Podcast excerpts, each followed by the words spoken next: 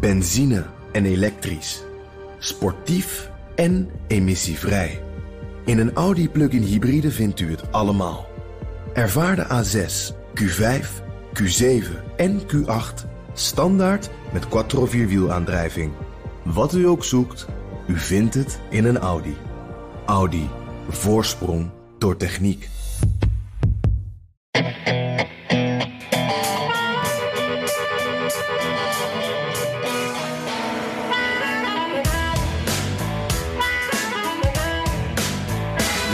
Net zag, Bernard? De, Republikeinse Partij verkoopt t-shirts met de kaart van Amerika, inclusief Groenland, met een mooie Amerikaanse vlag eroverheen. En de tekst erbij: steun president Trump om Amerika groter te maken. Geweldig.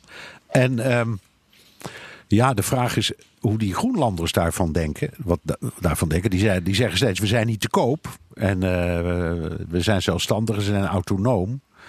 Maar ja, daar zit ook de grootste, een van de grootste luchtmachtbasis van de Amerikanen daar. Dus ze hebben wel, ze hebben wel wat hoor met die Amerikanen. Ja, ja, ja. En dat zijn ook veel banen natuurlijk. Natuurlijk. Dus dat, eh, ja. Nou, eh, Trump die wil maar al te graag eh, van Groenland Trumpland maken. Zo graag dat hij uiteindelijk bondgenoot Denemarken ervoor beledigde door een bezoek af te zeggen. Mijn naam is Jan Posma, aan de keukentafel in Washington DC. Laptop, koffietje, microfoon voor me en natuurlijk mijn Groenland shirt aan, Bernard. Dat begrijp je. In Amsterdam, Bernard Hammelburg, ook in Groenland shirt. Ja, wat natuurlijk. Ja hoor, heel, bij heel BNR, iedereen heeft zo'n shirt aan. Wij worden gesponsord. Welkom bij de Amerika-podcast van BNR. En eh, Bernard, voordat we naar Groenland gaan... eh, ik kreeg gisteren bezoek van de Amerikaanse overheid. Zo. Van, ja, zeker. nou, Dus, dat, werd, er dat was de hoogste tijd. ja, ze hebben me gevonden. Ja. Dit was een eh, meneer Burns van de United States Department of Commerce. En eh, toen bleek dat mijn adres werd meegenomen in de banencijfers. Dus die meneer die, die, ja, die wilde binnenkomen. Ik was een beetje argwanend. Ik, maar het leek een eh, wat oudere, hele betrouwbare man met ook zo'n government badge. En had een laptop bij zich met, nou, het zag er allemaal heel officieel uit. Gaf me ook zijn kaartje. Dus toen dacht ik van, nou, dit klopt wel. En toen begon hij me allemaal vragen te stellen. En eh, dat ging dan over of ik eh, op dit moment een baan heb, hoeveel uren ik werk. En eh, ook of mijn vrouw ook een baan heeft, hoeveel uren zij dan werkt. En toen vroeg hij ook van, nou ja, verwacht u over een maand hier nog, te wonen, hier nog te wonen? En verwacht u over een maand ook nog een baan te hebben? Want over een maand ga ik u bellen en dan gaan we het controleren. En als u dan nog steeds een baan heeft, nou, dan gaat u mee in de statistieken. Dus ik, ik ga straks mee in de job report, Bernard. Dat vond ik wel een bijzonder moment. Wauw. Had je het gevoel dat dat een, een politiek gemotiveerde meneer was? Of was het gewoon een, eh, een, eh, een ambtenaar die dat eh, doet, ongeacht wie er aan het roer zit? Ja, nou, het was eh, eh, zeker eh, gewoon een ambtenaar. Eh, hij, zei, hij deed dit ook al jaren, de hele dag door. Wat aan de ene kant me heel leuk lijkt, aan de andere kant ook een beetje saai. De hele dag bij mensen langs vragen stellen. Maar hij, begon ook in de loop van het gesprek wel een beetje te, te klagen over de president. Ehm, de, de, vooral toen ik vertelde dat ik uit Nederland kwam, toen zei hij van, nou ja, als hij herkozen wordt, dan, dan emigreer ik.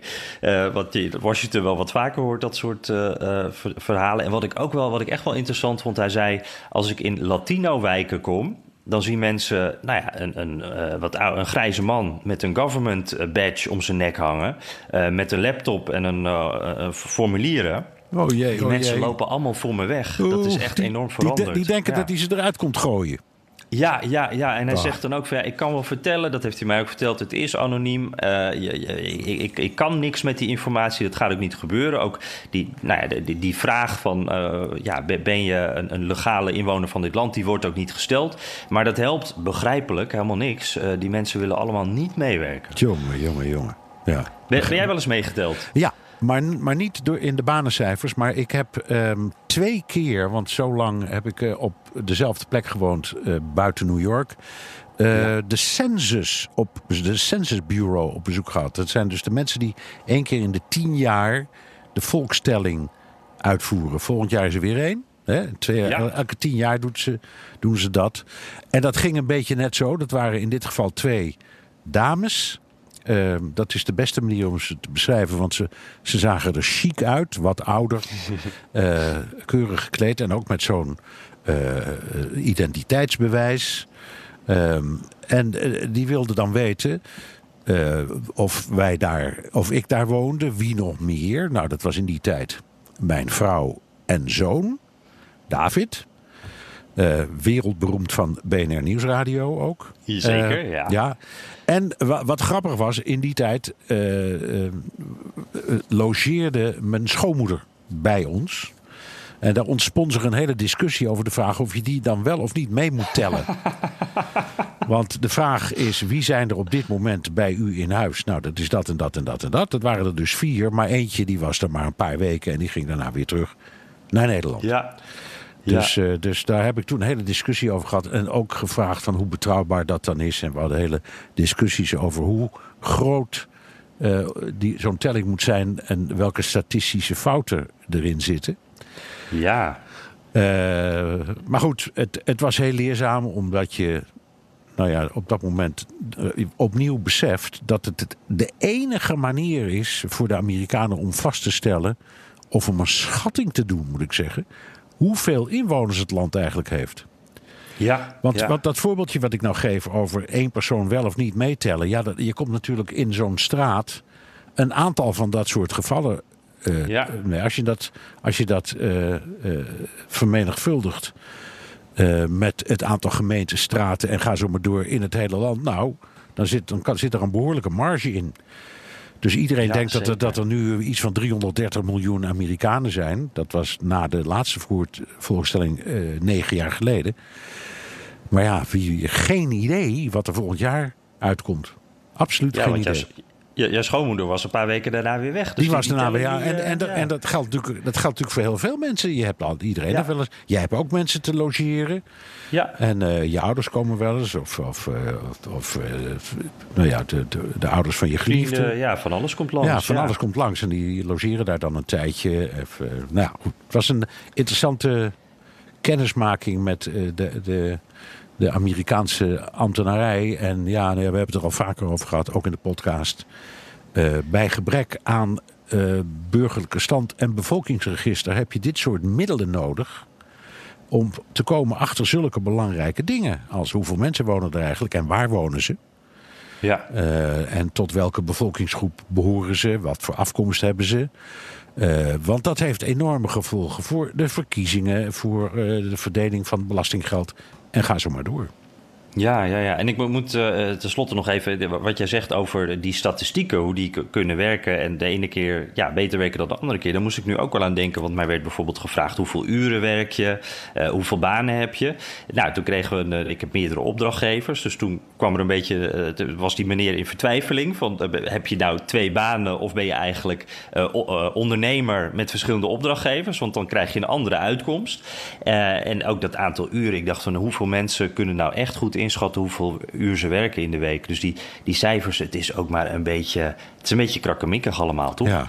En wat ben jij nou? Want ik vind, dat vind ik echt een interessante vraag. Want je werkt voor BNR en voor de Telegraaf en ongetwijfeld nog wel wat andere eh, opdrachtgevers. Ben je inderdaad eh, ben je nou ondernemer? Of, of ben je. Ja, nou, ik, op- ja, voor de statistieken ben ik nu eh, iemand met twee banen. Ja. En de, de, de kleinere opdrachtgevertjes, die telde hij dan weer niet mee. Maar mijn vrouw is ondernemer. Dus het, ja, het, het, het, het is heel, het is een beetje natte vingerwerk eigenlijk. ja, Hè? ja, ja. Wauw. Nou, in ieder geval, ehm, Groenland, hè, want eh, daar zijn ze veel sneller klaar met tellen. Daar hebben ze eigenlijk zo'n volkstelling bijna niet nodig. Daar wonen maar 56.000 mensen, heb ik even nagekeken. Eh, Trump wil het heel graag kopen en er was ook enthousiasme voor deze plannen. Dit is bijvoorbeeld een eh, kleine compilatie van Fox News. Trish, I, I wanted Greenland. I mean, I was kind of in on I this. did too. So I- Well, first of all, I don't understand why people are dismissing this like it's some sort of a crazy idea. President Trump is a real estate guy. Yeah. That is a really big, big chunk of real estate. Everybody's joking, uh, fine, but y- there is a non crazy case for this. I love this idea. It's the greatest idea. It's the greatest idea ever. Ja, er was, eh, er was dus zeker wel enthousiasme voor. Maar eh, mooi om te horen. Hè. Ze zagen het helemaal eh, zitten. Eh, maar goed, die, die Denen die willen natuurlijk Groenland helemaal niet verkopen. En toen de premier van Denemarken zei dat ze Trumps plannen eh, ja, een beetje curieus vond. Absurd, zei ze geloof ik. eh, besloot Trump om zijn bezoek dan maar af te zeggen. En hij zei toen dit over de Deense premier. Denmark, I looked forward to going, but I thought that the prime minister's statement that it was absurd, that was a, it was an absurd idea, It was nasty. I thought it was an inappropriate statement. All she had to do is say, no, we wouldn't be interested, but We can't treat the United States of America the way they treated us under President Obama. Uh, I thought it was a very uh, not nice way of saying something. They could have told me no. This is something that's been discussed for many years. Harry Truman had the idea of Greenland. I had the idea. Other people have had the idea. It goes back into the early 1900s. But Harry Truman very strongly thought it was a good idea. I think it's a good idea because uh, Denmark is losing $700 million a year with it. It doesn't do them any good, but all they had to do is say, no, we'd rather not do that, or we'd rather not talk about it. Don't say what an absurd idea that is. ja, het, hij, hij, neemt alles mee. Dat is een mooi fragment. Want het valt me nu ook pas op uh, dat, dat, bij Bernard dat hij ook uh, Obama een sneertje geeft. Ja, dat zegt, ja, onder Obama was, had dit gekund. Ik nee. zou dit nooit toestaan. En Obama die is volgens mij over een maandje of zo ook in Groenland. Of tenminste, die gaat wel dus naar Groenland. Dus uh, nou, mooi detail. Maar ik, ik, heb zelf ook het idee dat hier, dat, dat hoor je ook wat in, die, in die, dit citaat, dat het zakelijk denken van, van die New Yorkse vastgoed tough guy Trump hier met, met de diplomatie botst. Uh, Trump die denkt, uh, ik ben de grotere partij. Denemarken, klein landje, kost het ook alleen maar geld, noemt hij ook. Uh, als ik ze nou een beetje overdonder, onder druk zet... wie weet wat er dan kan gebeuren. En ja. hij past dus volgens mij een beetje zijn Manhattan-ervaring toe op de Denen. Die arme Denen. Ja, het roept wel de vraag op, waarom wil die Groenland eigenlijk? Want het is dan wel ik zou maar zeggen, ja, het is misschien wel het grootste eiland ter wereld. Dat weet ik niet helemaal zeker, maar dat geloof ik wel. Ja, ze, hebben daar, gehoord, ze, ze, hebben daar al een, uh, een hele belangrijke uh, luchtmachtbasis, Toelen, dat al, al sinds jaar en dag. Uh, dus strategisch hebben ze het zogezegd al in de zak. Dus wat willen ze er nog mee, Jan? Waarom, wil, waar, waarom liet hij nou plotseling zijn oog vallen op die grote ijsberg? Ja, ja die, die steeds iets minder ijzig wordt trouwens. En, Ja. en dat, dat is misschien een, een reden. Uh, we weten dat, dat, dat heeft Trump ook gezegd, dat hij de grondstoffen heel interessant vindt. Er zitten daar kolen in, in, in, in de bodem, uh, uranium ook. Nou, en, en hoe meer dat aan het smelten is daar, hoe meer ook olie en, en gas toegankelijk worden, wordt het uh, nou, gunstiger. De, de, ja, kan je het zeg maar betaalbaar ook boren daar. De, dus dat kan zeker een reden zijn. Ik denk dat Trump echt dollartekens ziet. En uh, ja, jij noemt al de, de luchtmachtbasis, het strategische belang. Um, iets wat ik de afgelopen week ook tegenkwam, dat, dat wist ik eigenlijk helemaal niet. Vond ik wel interessant dat bijvoorbeeld de Chinezen daar ook aan het investeren zijn. Of dat proberen in ieder geval. Die willen daar uh, ook commerciële uh, luchthavens bouwen. Die willen daar infrastructuur aanleggen. En op die manier, zoals ze dat ook in Afrika bijvoorbeeld doen, proberen ze, en in Europa ook trouwens, proberen ze dus daar wat voeten aan de grond te krijgen. En dat is iets waar ze in Amerika zich ook wel druk om maken. Dus ze hebben wel die luchtmachtbasis daar.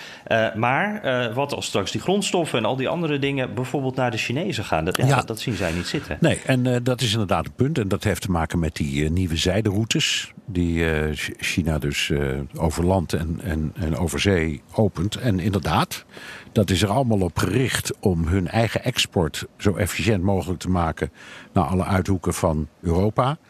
Um, en hun import van grondstoffen te kunnen versnellen en vergroten. En, dat is de klacht van Trump en ook van Europeanen, om zoveel mogelijk uh, kennis te kunnen uh, vergaren. Wij noemen dat dan stelen, maar zij noemen het vergaren. Dus dat speelt ja. inderdaad allemaal wel een rol. Maar dan nog, om te zeggen, nou weet je wat, uh, dan koop ik, voordat je het weet, koopt hij ook Tessel, zeg. ja, ik, ik, begreep dat minister Blok al iets had gezegd dat uh, de, de, de, Caribische eilanden dat die niet uh, te koop zijn. Dus uh, dat, dat gaat niet gebeuren. Nou, maar het, het is iets. nou, daar ga ik straks ja? nog wel wat over zeggen. Ja, dat is oh, de vraag. Oh, dat ik ben is heel benieuwd. Vraag. Ja. Je hebt, je hebt, slecht nieuws voor de mensen in Curaçao. Nee, en, nee, nee, nee, nee, maar ik, nou, okay. nou, laten we, daar komen we direct even op terug. Ja, ja, ja, ja. ja. ja. Nee, maar uh, Bernard, het zit ook wel een beetje in de geschiedenis van Amerika. Toch zo gek is het uh, niet om, om, om, land te kopen? Nee. Uh, dat is zo. Nou, dan kom ik er dan toch maar meteen op. Hè, want, um, oh, sorry. ja, nee, dat geeft helemaal niks. Um, de, de Amerikanen hebben natuurlijk... Hun bestaansgeschiedenis hangt samen met het kopen van land... Dus de oorspronkelijke dertien staten die uh, de grondslag waren voor Amerika, die hebben volgens elders in dat grote voormalige, uh, die voormalige kolonie eh, Amerika ook land gekocht. Heel veel. Staten gekocht. Dus ik staten als Wyoming en, en zo. Die zijn ook voor een groot deel gewoon door, eh, ja, door met betaling eh, vergaard. Louisiana natuurlijk. Een hele beroemde. De aankoop van Louisiana. Wat ze hebben gedaan met, met Franse steun. Eh, al vanaf de Napoleontische tijd eh, hadden de Fransen enorm belang om de Amerikanen te steunen bij het vergroten van hun macht en het kopen van land. Omdat dat ging tegen de Britten en dat was ook de Franse vijand. Eh, en als je kijkt naar, want daar komt hij dan.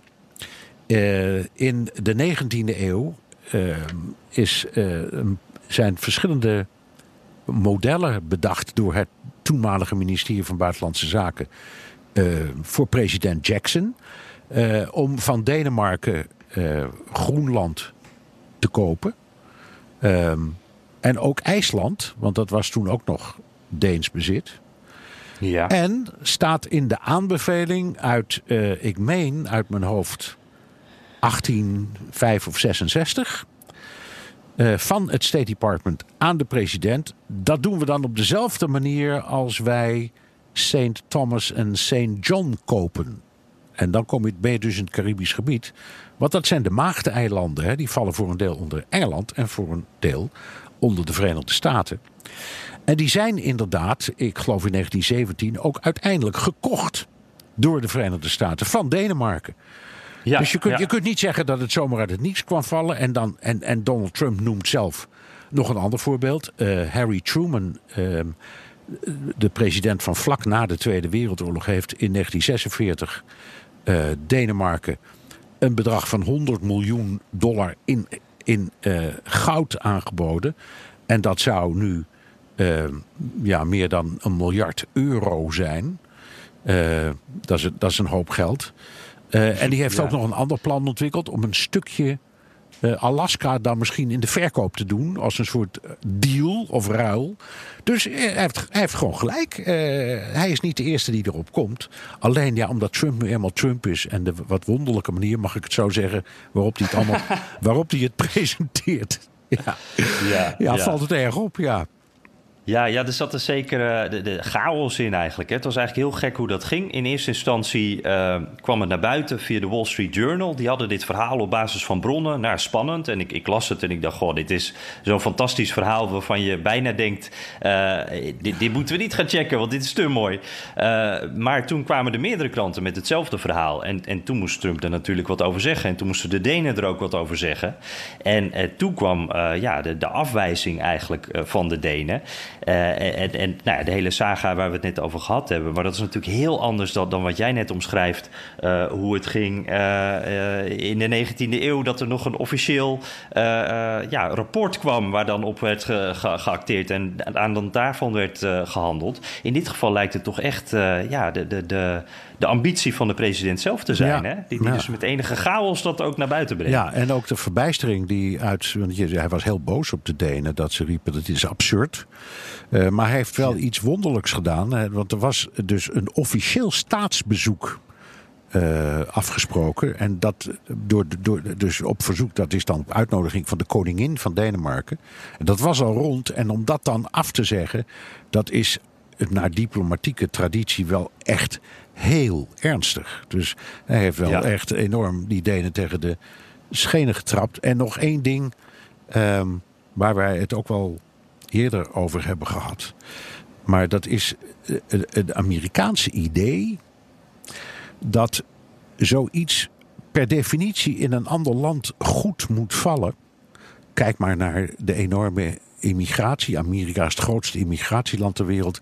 En Amerikanen zeggen ehm, ook altijd: ja, ieder, iedereen in de hele wereld wil eigenlijk niets liever dan in Amerika wonen of eh, Amerikaans staatsburger zijn. Manifest Yeah, Destiny Greenland. I think if you don't like this, you're not truly an American patriot. There aren't a lot of people there. Um, you know, I, I happen to think that they might benefit from becoming American as opposed to Danish. The Danes would, of course, disagree. Um, but I mean, nonetheless, we're, there's we're the best country strategic in the world. I reasons. can tell you, most people want to be American. Yeah. En zo is dat, Jan. Ja, Most people want to be American. Hè? Toch? ja, ja, ja. ja, en ze ja, zijn, maar ze zijn zeker. echt, ze zijn, dat zul je ook wel merken, ze zijn echt verbaasd Eh, als je zegt, nou nee, ik, ik heb waardering voor jullie, ik hou van jullie, ik vind het allemaal prachtig, maar sorry, maar ik ben Nederlander of ik ben Deen of ik ben Europeaan en dat wil ik graag zo houden. Dus hij is helemaal, Ja, ja. helemaal verbijsterd. Ja, klopt. Ik had toevallig afgelopen week eh, was er een veteraan, een Amerikaanse veteraan, die mij op Twitter aansprak. En dat ging over de gezondheidszorg, een heel ander onderwerp. Maar toevallig eh, kwam als voorbeeldje ook Denemarken voorbij. En toen eh, zei hij dus van, hij reageerde op iets wat ik had getweet. Van, nou, veel plezier daar in Europa. Jullie staan alleen maar in de rij voor jullie gezondheidszorg. En betalen bakken aan belasting. Houden zelf geen geld over. En toen stuurde ik hem terug van, nou ja, eh, eh, eh, ja, kijk eens naar de lijstjes met de beste gezondheidszorg in de wereld. En, en welke landen wel in dat lijstje staan en welk land niet. Want daar staat Amerika niet tussen. En to- toen reageerde hij ook met, met eigenlijk nog een keer hetzelfde. Van ja, maar jullie, sta, jullie betalen alleen maar belasting. Hoe kan je dit nou willen? Veel plezier in Denemarken met die lange wachtrijen. En toen zei hij ook nog, ja, ik ben een veteraan. Ik ben ook gewond geraakt in de oorlog. Dus ik, ik heb een heel, heel fijn...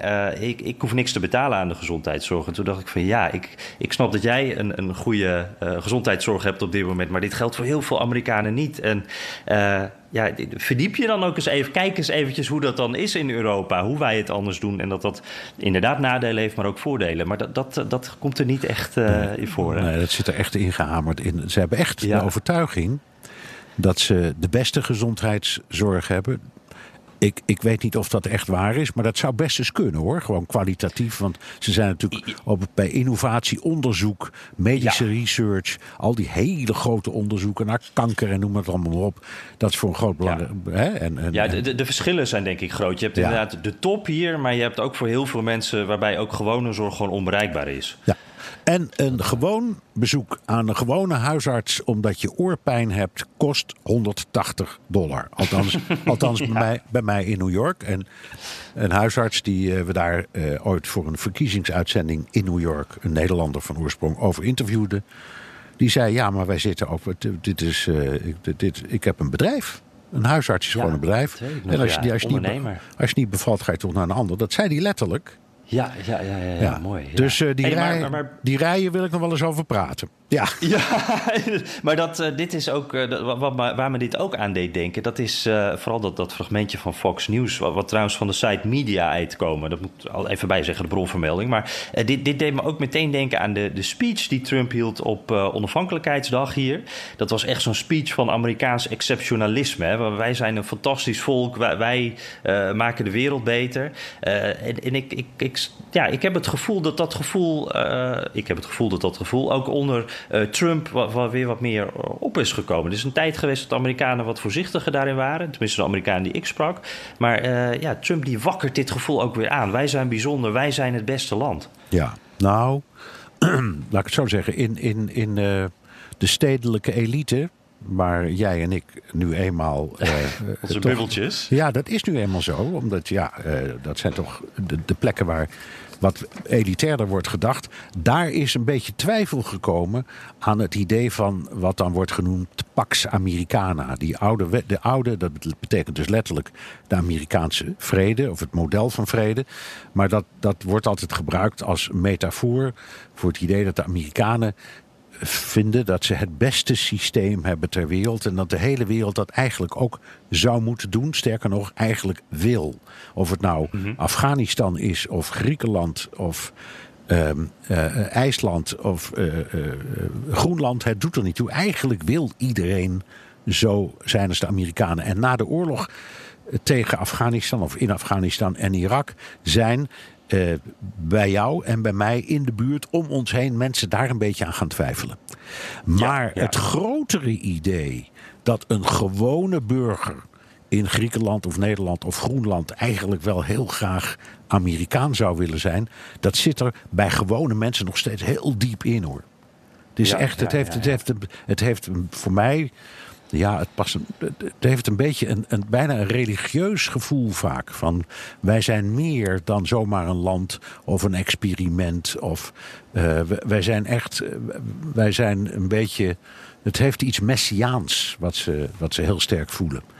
Ja, het, het manifest destiny, hè? Wij- Ja. Wij zijn superieur, wij, wij moeten die beschaving ook verspreiden. Imperialisme mag ook, want wij doen het met, met eh, goede intenties. Ehm, het zit heel diep. Ja. Uh, overigens nog uh, een leuk vraagje van luisteraar Robert Boelen. Um, ik moest erom lachen en ik hoop jij ook. Is het denkbaar dat, dat Amerika een bezettingsmacht stuurt naar Groenland van 5000 man? En zegt hij. En als, we dan, als ze dan alle Groenlanders, dat zijn er immers maar, wat was het? 57, 56 ja, ja. Die krijgen dan een Amerikaans paspoort en een half miljoen dollar elk. Dat kost, dat kost 29 miljard dollar. En dan is het land gewoon gekocht. En er zijn die mensen.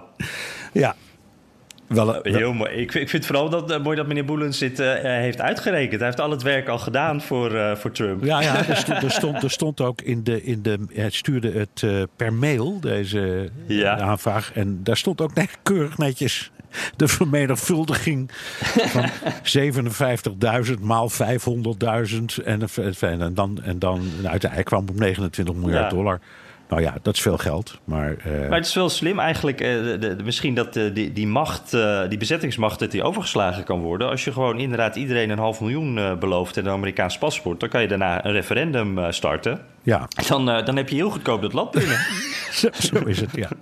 ja maar dat... die, die bezettingsmacht, hè, want ik, ik had toevallig ook iemand via Facebook die, die vroeg van. nou, die, die, die, die schrok hier heel erg van. Die was echt heel serieus. Die zei: Ja, wat we nu krijgen, dat Amerika misschien wel troepen gaat sturen. Dat vinden de Russen dan niet goed. En dan hebben we gewoon een oorlog. Zeker. Want, uh, ja, nou ja, maar ze zitten er dus al heel lang hè, op die Toele ja, luchtmachtbasis. Ja. En dat is, dat is expres. Het is in afval en aan de westerse kant de meest noordelijke basis die er is.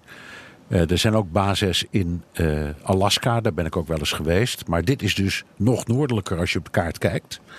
Hm. Ehm, en dat is heel duidelijk altijd een verdedigingspost geweest tegen de Russen. Er is geen twijfel over. Uh, en sinds Alaska Amerikaans is geworden, als je kijkt ook de, de, de Beringstraat, hoe, hoe, hoe, smal dat is, hoe, hoe dicht Rusland en de Verenigde Staten tegen elkaar aan liggen, ja, dan is daar uh, best, kun je best iets bij voorstellen. En dat past ook. Ik moet aan Sarah Palin denken. Precies, ja. Die zei: uh, Je hoeft mij niks uit te leggen over uh, Rusland, want ik kan het zien. Ja, ja. ja. En uh, dat past dan weer in hè, de Amerikaanse strategie dat ze rondom de wereld zoveel mogelijk militaire bases willen hebben. Dus ze zitten in Duitsland en ze zitten in, in Okinawa, in Guam, in, in Bahrein, in Qatar, noem het allemaal maar op. En daar, daar wil ik nog wel wat meer van weten. Als ik eventjes nog, nog wat, ik was nog wel even benieuwd over uh, die, die bezettingsmacht. Hè. Ik, ik denk uh, Groenland, ik denk dan dat dat gaat niet gebeuren, want Trump heeft helemaal geen zin in oorlog en zijn achterban ook niet, toch? Dat is Groenland het helemaal niet waard. Denk jij dat ook? Of? Natuurlijk, natuurlijk. En bovendien nogmaals, ze, ze zitten er al. Dat Toele is ja, ja, echt een ja. gigantische luchtmachtbasis. Dus dat hebben ze ook helemaal niet nodig. Gezien. Strategisch hebben ze het al. In militaire zin hebben de Amerikanen Groenland gewoon al. Ja, ja, ja, ja. Ja, ja en, en je, nou, je gaf al aan, die Amerikanen zitten overal. En, en jij bent ook ja, verschillende van die bases geweest. Hè? Kan, je eens uitleggen? Ik, ik, je hebt me wel eens verteld over Okinawa bijvoorbeeld. Ja, Okinawa is een heel bijzonder geval. Daar zitten ze natuurlijk sinds de Tweede Wereldoorlog, omdat ze toen die, nou ja, de afspraak hebben gemaakt. Dat is ook in de, in de Japanse grondwet vastgelegd. Dat de Amerikanen de verdedigers zijn van Japan. Japan mocht geen. Uh, offensief leger opbouwen, alleen maar een defensief leger. En als er iets gebeurt, dan garandeert Amerika de veiligheid van Japan. Dat vereist, dat kwam dan voort uit de bezetting. Hè, want eerst is natuurlijk Japan na de Tweede Wereldoorlog een aantal jaren door Amerika bezet geweest. En het derivaat daarvan was Okinawa, waar ze nog steeds zitten. En dat geeft enorme spanningen, omdat daar in de loop van de jaren nare incidenten zijn geweest. Um, daar is. Uh, ja, er zijn uh, uh, Japanse meisjes verkracht door Amerikaanse soldaten. Ze worden daar toch gezien als barbaarse indringers. En er wordt al een hele tijd gewerkt aan het verplaatsen van die hele operatie in Okinawa naar een ander punt. Waar ze wat verder uit zicht zijn, zal ik maar zeggen. En daar ben ik wel eens wezen kijken in, uh, op die eh, basis. En ik ben ook wel eens in, in, in eh, Alaska op zo'n basis geweest. Eh, in Duitsland, wat, wat, wat niet, maar zomaar dat, dat, dat, dat eh, Hemstein en, en Geisen, Geisenkirchen en zo. Ja, dat zijn niet eh, zomaar ba- basis. Dat zijn complete steden met enorme infrastructuur. Waar, waar, waar tienduizenden mensen werken, ook Duitsers. Ehm, eh, en waar ook ehm, eh, de hele, een groot deel van de operatie richting Midden-Oosten vandaan wordt eh, gedaan. Er staan bijvoorbeeld de AWACS vliegtuigen, weet je wel, die dingen met zo'n zo'n Ja, radar op het dak. paddenstoel. Ja, zo'n paddenstoel op het dak, die staan daar. Groot militair, dat grote, grote Amerikaanse militaire hospitaal waar eh, mensen worden opgevangen. Eh, die veteraan die jij straks beschrijft, het zou mij niets verbazen als die via die kliniek terug is gegaan naar de Ja. Verenigde Staten. Dus dat zijn enorme operaties en daar gaan ze ook niet van afzien. Dus wat dat betreft, eh, nog maar even teruggaan naar, naar wat Trump dan zomaar even roept over Groenland. Maar vanuit dat perspectief is het allemaal ook wel heel erg Amerikaans en strategisch denken. Mhm. Maar tegelijkertijd zegt Trump ook: eh, ja, wij- wij beschermen die landen ook. Eh, we krijgen daar niet genoeg eh, voor terug, eigenlijk financieel. Hij, ja, het is wel eens met een soort ma- maffia-regeling vergeleken. dat het een soort beschermgeld is, eigenlijk. Ja. dat werd dan in de media gedaan omdat Trump een beetje dreigde: van als jullie niet meer betalen, dan gaan wij daar weg. Is dit het waard voor Amerika? Want dat kost ook heel veel geld. Ja, toch? nee, dat is. Je hebt, maar, kijk, het is weer typisch de presentatie van Trump. Maar hij heeft wel een punt.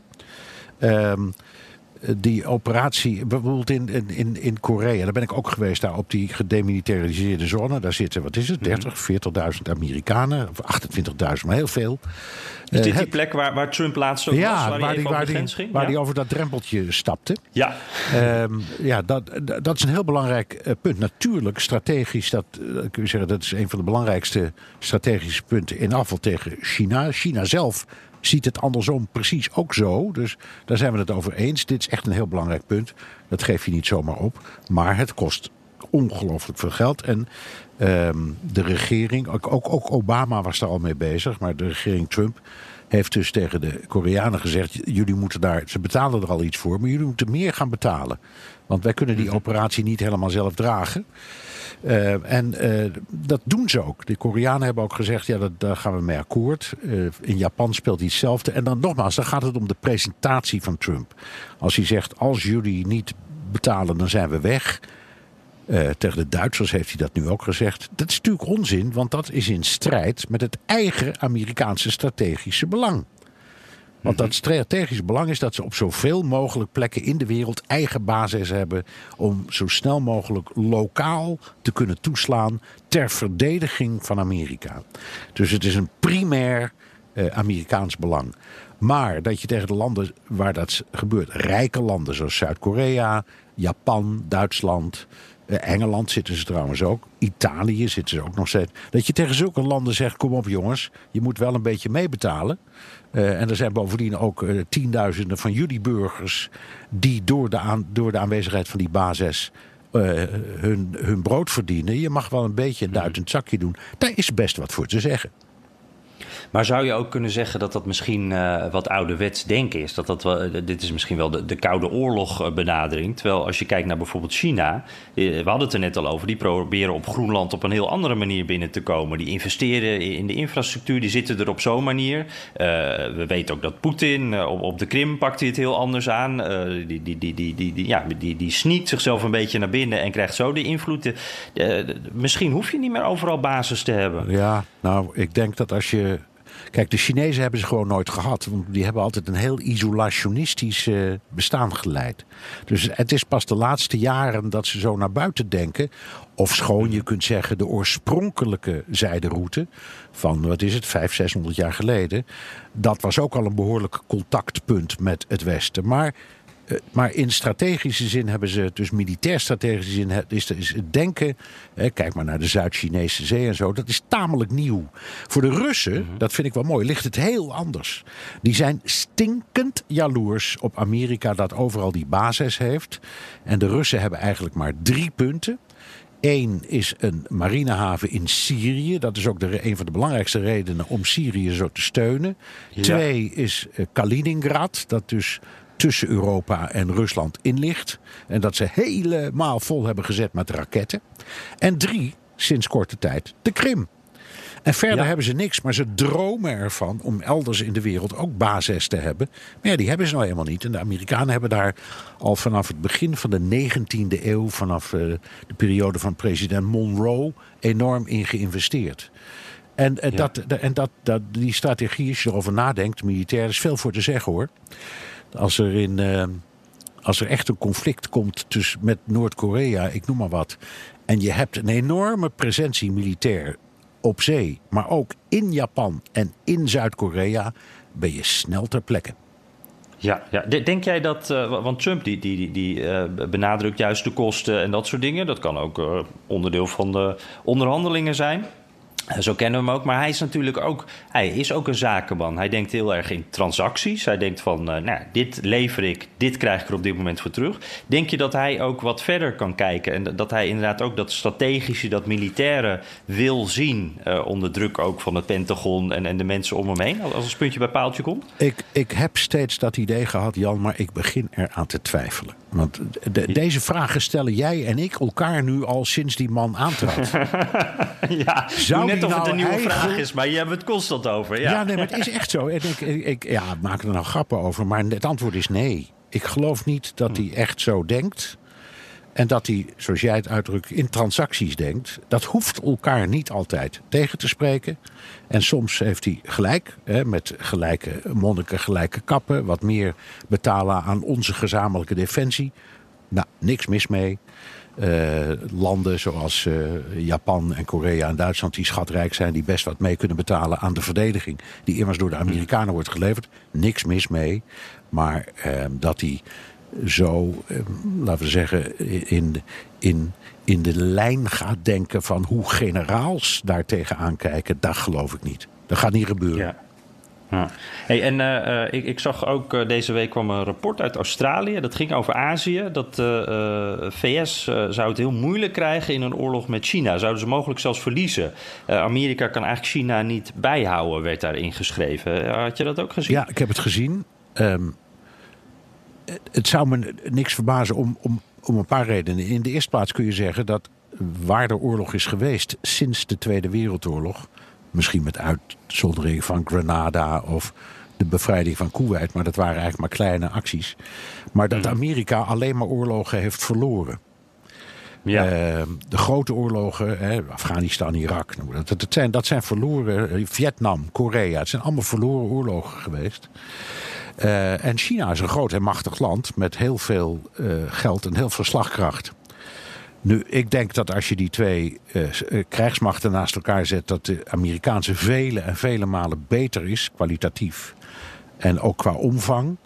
Maar China is een, is een groot land met een enorme de- inzet. Denk maar aan de Koreaanse oorlog in de jaren 50. Toen ehm, eh, de Amerikanen. Dat was officieel een VN-actie, maar goed, dat is natuurlijk echt zo. Maar laat- toen de, de Amerikanen in, vanuit Zuid-Korea begonnen te winnen, heel snel al. En toen kwam er een tegenactie voornamelijk gesteund door China. China heeft toen eh, iets van een miljoen soldaten de grens over gejaagd. En dat heette dan een Human Wave War. Ja. En die, die, die, die, die- voor een groot deel waren die niet eens bewapen- bewapend. En die, die, die, die- dat was zo overweldigend dat die echt de grens over zijn gedenderd. En binnen de kortste keren voor de poorten van Seoul stonden. Ja. Dus je moet de inzet en de slagkracht ook wat dat betreft van de Chinezen niet onderschatten. Daar hebben die Australiërs absoluut een punt. Ehm, ja, ik, ik zit te kijken. Mijn, mijn koffie is bijna op, Bernard. Dus we moeten misschien bijna een beetje afronden. Ehm, ik, eh, ik, ik- ja, ik, ik heb nog wel eh, twee dingetjes die ik in ieder geval nog wel graag zou willen bespreken. Moeten we misschien even snel doen dan. Ehm, wat denk jij? Was dit nou eh, gepland? onderdeel van de onderhandelingen. Ik heb het nu weer even over Groenland.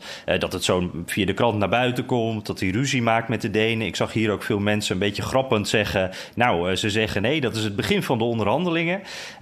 was dit een serieuze poging van Trump?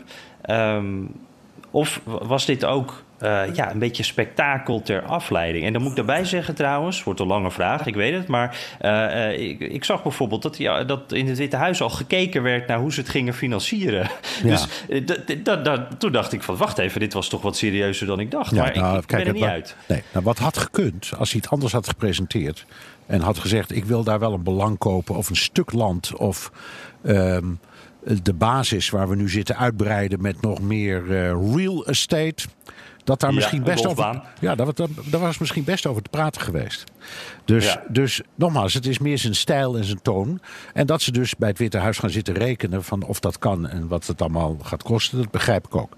Maar mijn verklaring voor dit geheel is dat het meer te maken heeft met hoe Trump denkt over Europa. Denemarken wordt voorgesteld, hè, toch? In het algemeen als een van de landen waar de bevolking het gelukkigst is ter wereld. We hadden het daar net ook over. Uitstekende gezondheidszorg. Uh, een modern land. En, en, natuurlijk, ook daar heb je rare toestanden. Populisten, de toestand, noem maar, maar op. Maar in het algemeen is het een vredig land. En dat is een beeld wat veel mensen hebben van Europa. En um, uh, Trump kijkt neer op Europa. En hij vindt die Denen... Uh, om een mooi Amerikaans woord te gebruiken, Eurotrash en ik denk dat dat erachter zit.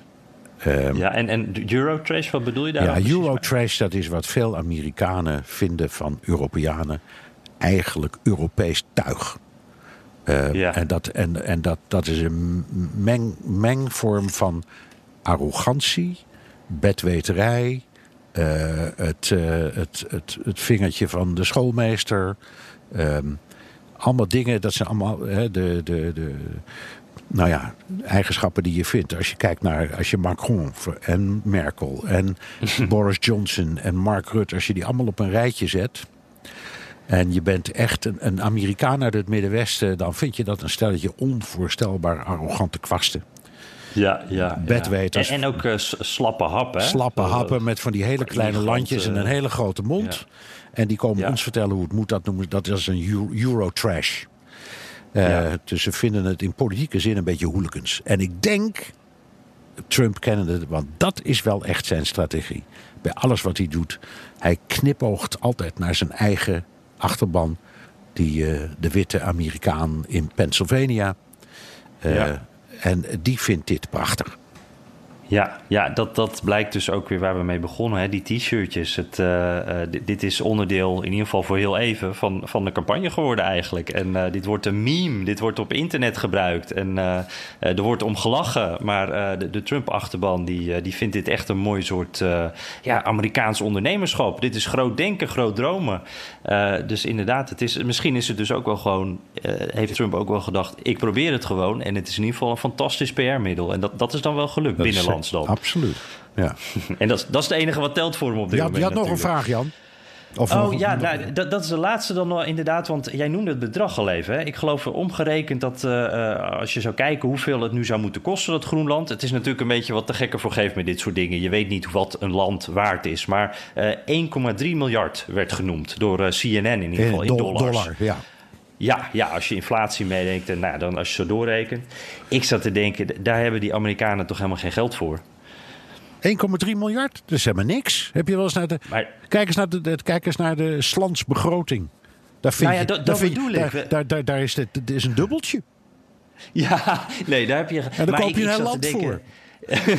koop je. Maar ik zat dat we krijgen, uh, we hebben net weer een bericht dat het begrotingstekort is toegenomen. Uh, nou, er mag nog wel wat geïnvesteerd worden in het leger uh, in Azië, hebben we net vastgesteld. Ik, om dan, laat ik zeggen, het geld is er natuurlijk, maar het duurt nog wel even voordat je daar wat voor terugkrijgt. Dat is waar, het lijkt me toch lastig om dat goed te praten naar je achterban. Ja, maar goed. Uh, ze hebben daar een hele makkelijke oplossing voor uh, in Washington. Ze drukken het gewoon bij. ja, dat is ook weer waar. Wat maakt het ook uit? Ehm, ja, en je hebt ook extra dollars nodig natuurlijk als je die ook in eh, Groenland gaat gebruiken. Ja. Ze wonen daar niet zoveel mensen.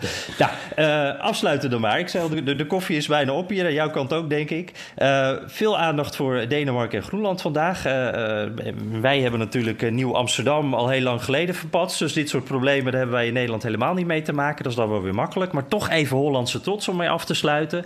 Eh Bernard, die grootste fietsenstalling ter wereld in Utrecht. Utrecht, daar werd hier echt verwonderd naar gekeken. was op alle Amerikaanse zenders. En eh, ik moest er wel wat om lachen. In, in Washington wordt dat fietsen steeds populairder. Maar het is ook nog steeds, steeds een beetje pionieren. En, en als je je fiets wil parkeren... Nou, je kan nog beter je auto parkeren. Want je kan hem nergens tegenaan zetten. Hoe, hoe is dat in New York? Ja, daar is de fiets echt doorgebroken. Ik kan niet anders zeggen. Ehm, het heeft een aantal redenen. Ik denk de belangrijkste is dat ze daar eh, naar, al heel vroeg naar, ik meen Frans model, die waren geloof ik de eerste, Parijs. eh, dat systeem hebben bedacht met leenfietsen, met een abonnement. Ja, ja. Die je dus eh, in, op vaste standplaatsen kunt neerzetten en met een app opent. En daar stap je dan op en dan rij je van A naar B. En daar zoek je weer zo'n rek en daar zet je hem weer in. En dan wordt via die app wordt dat afgerekend. Dat is een giga succes. Wordt gesponsord door een van de eh, Amerikaanse banken. Eh, Ja. Dus de, de, de- daar rijden, dan rijden echt duizenden fietsers met het logo van die bank rond. Wat ik ook al een prachtige, ja, prachtige stunt. Maar Ja, je ziet ja. ook heel veel mensen die ehm, een mountainbike of een racefiets of een iets wat, wat meer op een gewone fiets lijkt hebben. En ik moet zeggen, want dat, dat de, de New Yorkse automobilist eh, en voetganger daar nu ook zo langzamerhand, je merkt het meer rekening mee gaan houden. Ah, Ehm, dat dus, is hier dus- nog niet zo. Nee, nee, dus wat je als Nederlander heb je ogen in je achterhoofd. Hè? Dus als je Ja, ergens ja. links of rechts afslaat, dan weet je, zonder dat je het ziet, dat er een fietser aankomt. Dat begin ik in New York ook een heel klein beetje te merken. En het, eh, nou ja, het, mijn kleindochter fietst, Jan, in New York. Dus eh, Zo, ja, en jouw kleindochter is... die is 7,5. En, eh, Zo, ja. helmpje op. Door dat Help drukke verkeer op, ook? help je op met papi. Nou, ze gaan nog erg veel door de parken, moet ik zeggen. Eh, Maar ook dat is wel een verhaal. Want die parken die hebben allemaal prachtige wielerbanen. En je ziet nu ook op de grote boulevards, laten we zeggen, Fifth Avenue, Sixth Avenue, dat soort. Daar zie je langs de randen waar de auto's geparkeerd staan ook fietspaden komen. Steeds meer en veel sneller. En, Ja. en, en je hebt natuurlijk de couriers. Eh, de mensen die ook die eten thuis brengen, eh, maar ook andere eh couriers, ook die gebruiken ontzettend veel fietsen. Dus Ja. ziet, ik moet zeggen, ik heb het gevoel, de fiets begint te winnen. Nou, mooi. New, New York wijst de weg. Dit was hem ook alweer, hè? De, de- deze aflevering van de Amerika-podcast. Via de BNR-app of de site kun je heel makkelijk abonneren op de podcast. Kan ook via iTunes of Spotify. We zijn dolblij met recensies. Heb je nog eentje gevonden, Jan? Nou, ik heb eh, de recensies, dat, dat werd een beetje wat eh, minder deze week. Dus- Dus bij deze ook nog een keer een oproep om ook even een berichtje achter te laten. Dat eh, vinden we echt heel erg leuk en dan word je misschien ook wel voorgelezen. Ik kreeg wel een berichtje van Johannes, die kon ons niet heel makkelijk vinden in iTunes. Nou, we zitten daar wel. Als je zoekt op Amerika Podcast plus BNR, dan moet het lukken. Of ik denk ook wel als je op een van onze twee namen zoekt. En ja, dat had ik hem eigenlijk ook al teruggestuurd. Dus Johannes, ik neem aan dat je luistert. Welkom. En ik kreeg nog een herinnering dat we nooit eh, antwoord hebben gegeven eigenlijk aan eh, Soldaat. Dat was eh, een meneer die, ik denk dat het een meneer is, die vroeg naar de begintune. Die zei van, ja, hoe heet dat eigenlijk? Ik Ja, probeer het op te ja. zoeken, kan het niet vinden. En eh, dat eh, hebben wij toen wel eventjes nagevraagd. Alleen ik ben het helemaal vergeten om dat weer door te geven. Nou, onze, onze meestercomponist André Dortmund, eh, dat is de maker. Die maakt heel veel jingles op BNR. tunes, spotjes, eigenlijk alles bijna wat je hoort, dat heeft hij gemaakt. En dit heeft hij ook in elkaar gezet voor ons. Maar hij zei er ook bij, Bernard, er is geen naam aangegeven. En het is ook niet te koop. Dus je kan hem alleen horen hier bij ons. Ja, en als je goed luistert hoor je hem zachtjes alweer klinken. Heb je vragen, opmerkingen, kritiek of complimenten? Twitter dan naar underscore Jan Posma underscore of BNR De Wereld. Dank voor het luisteren. Tot de volgende keer. Dag Jan.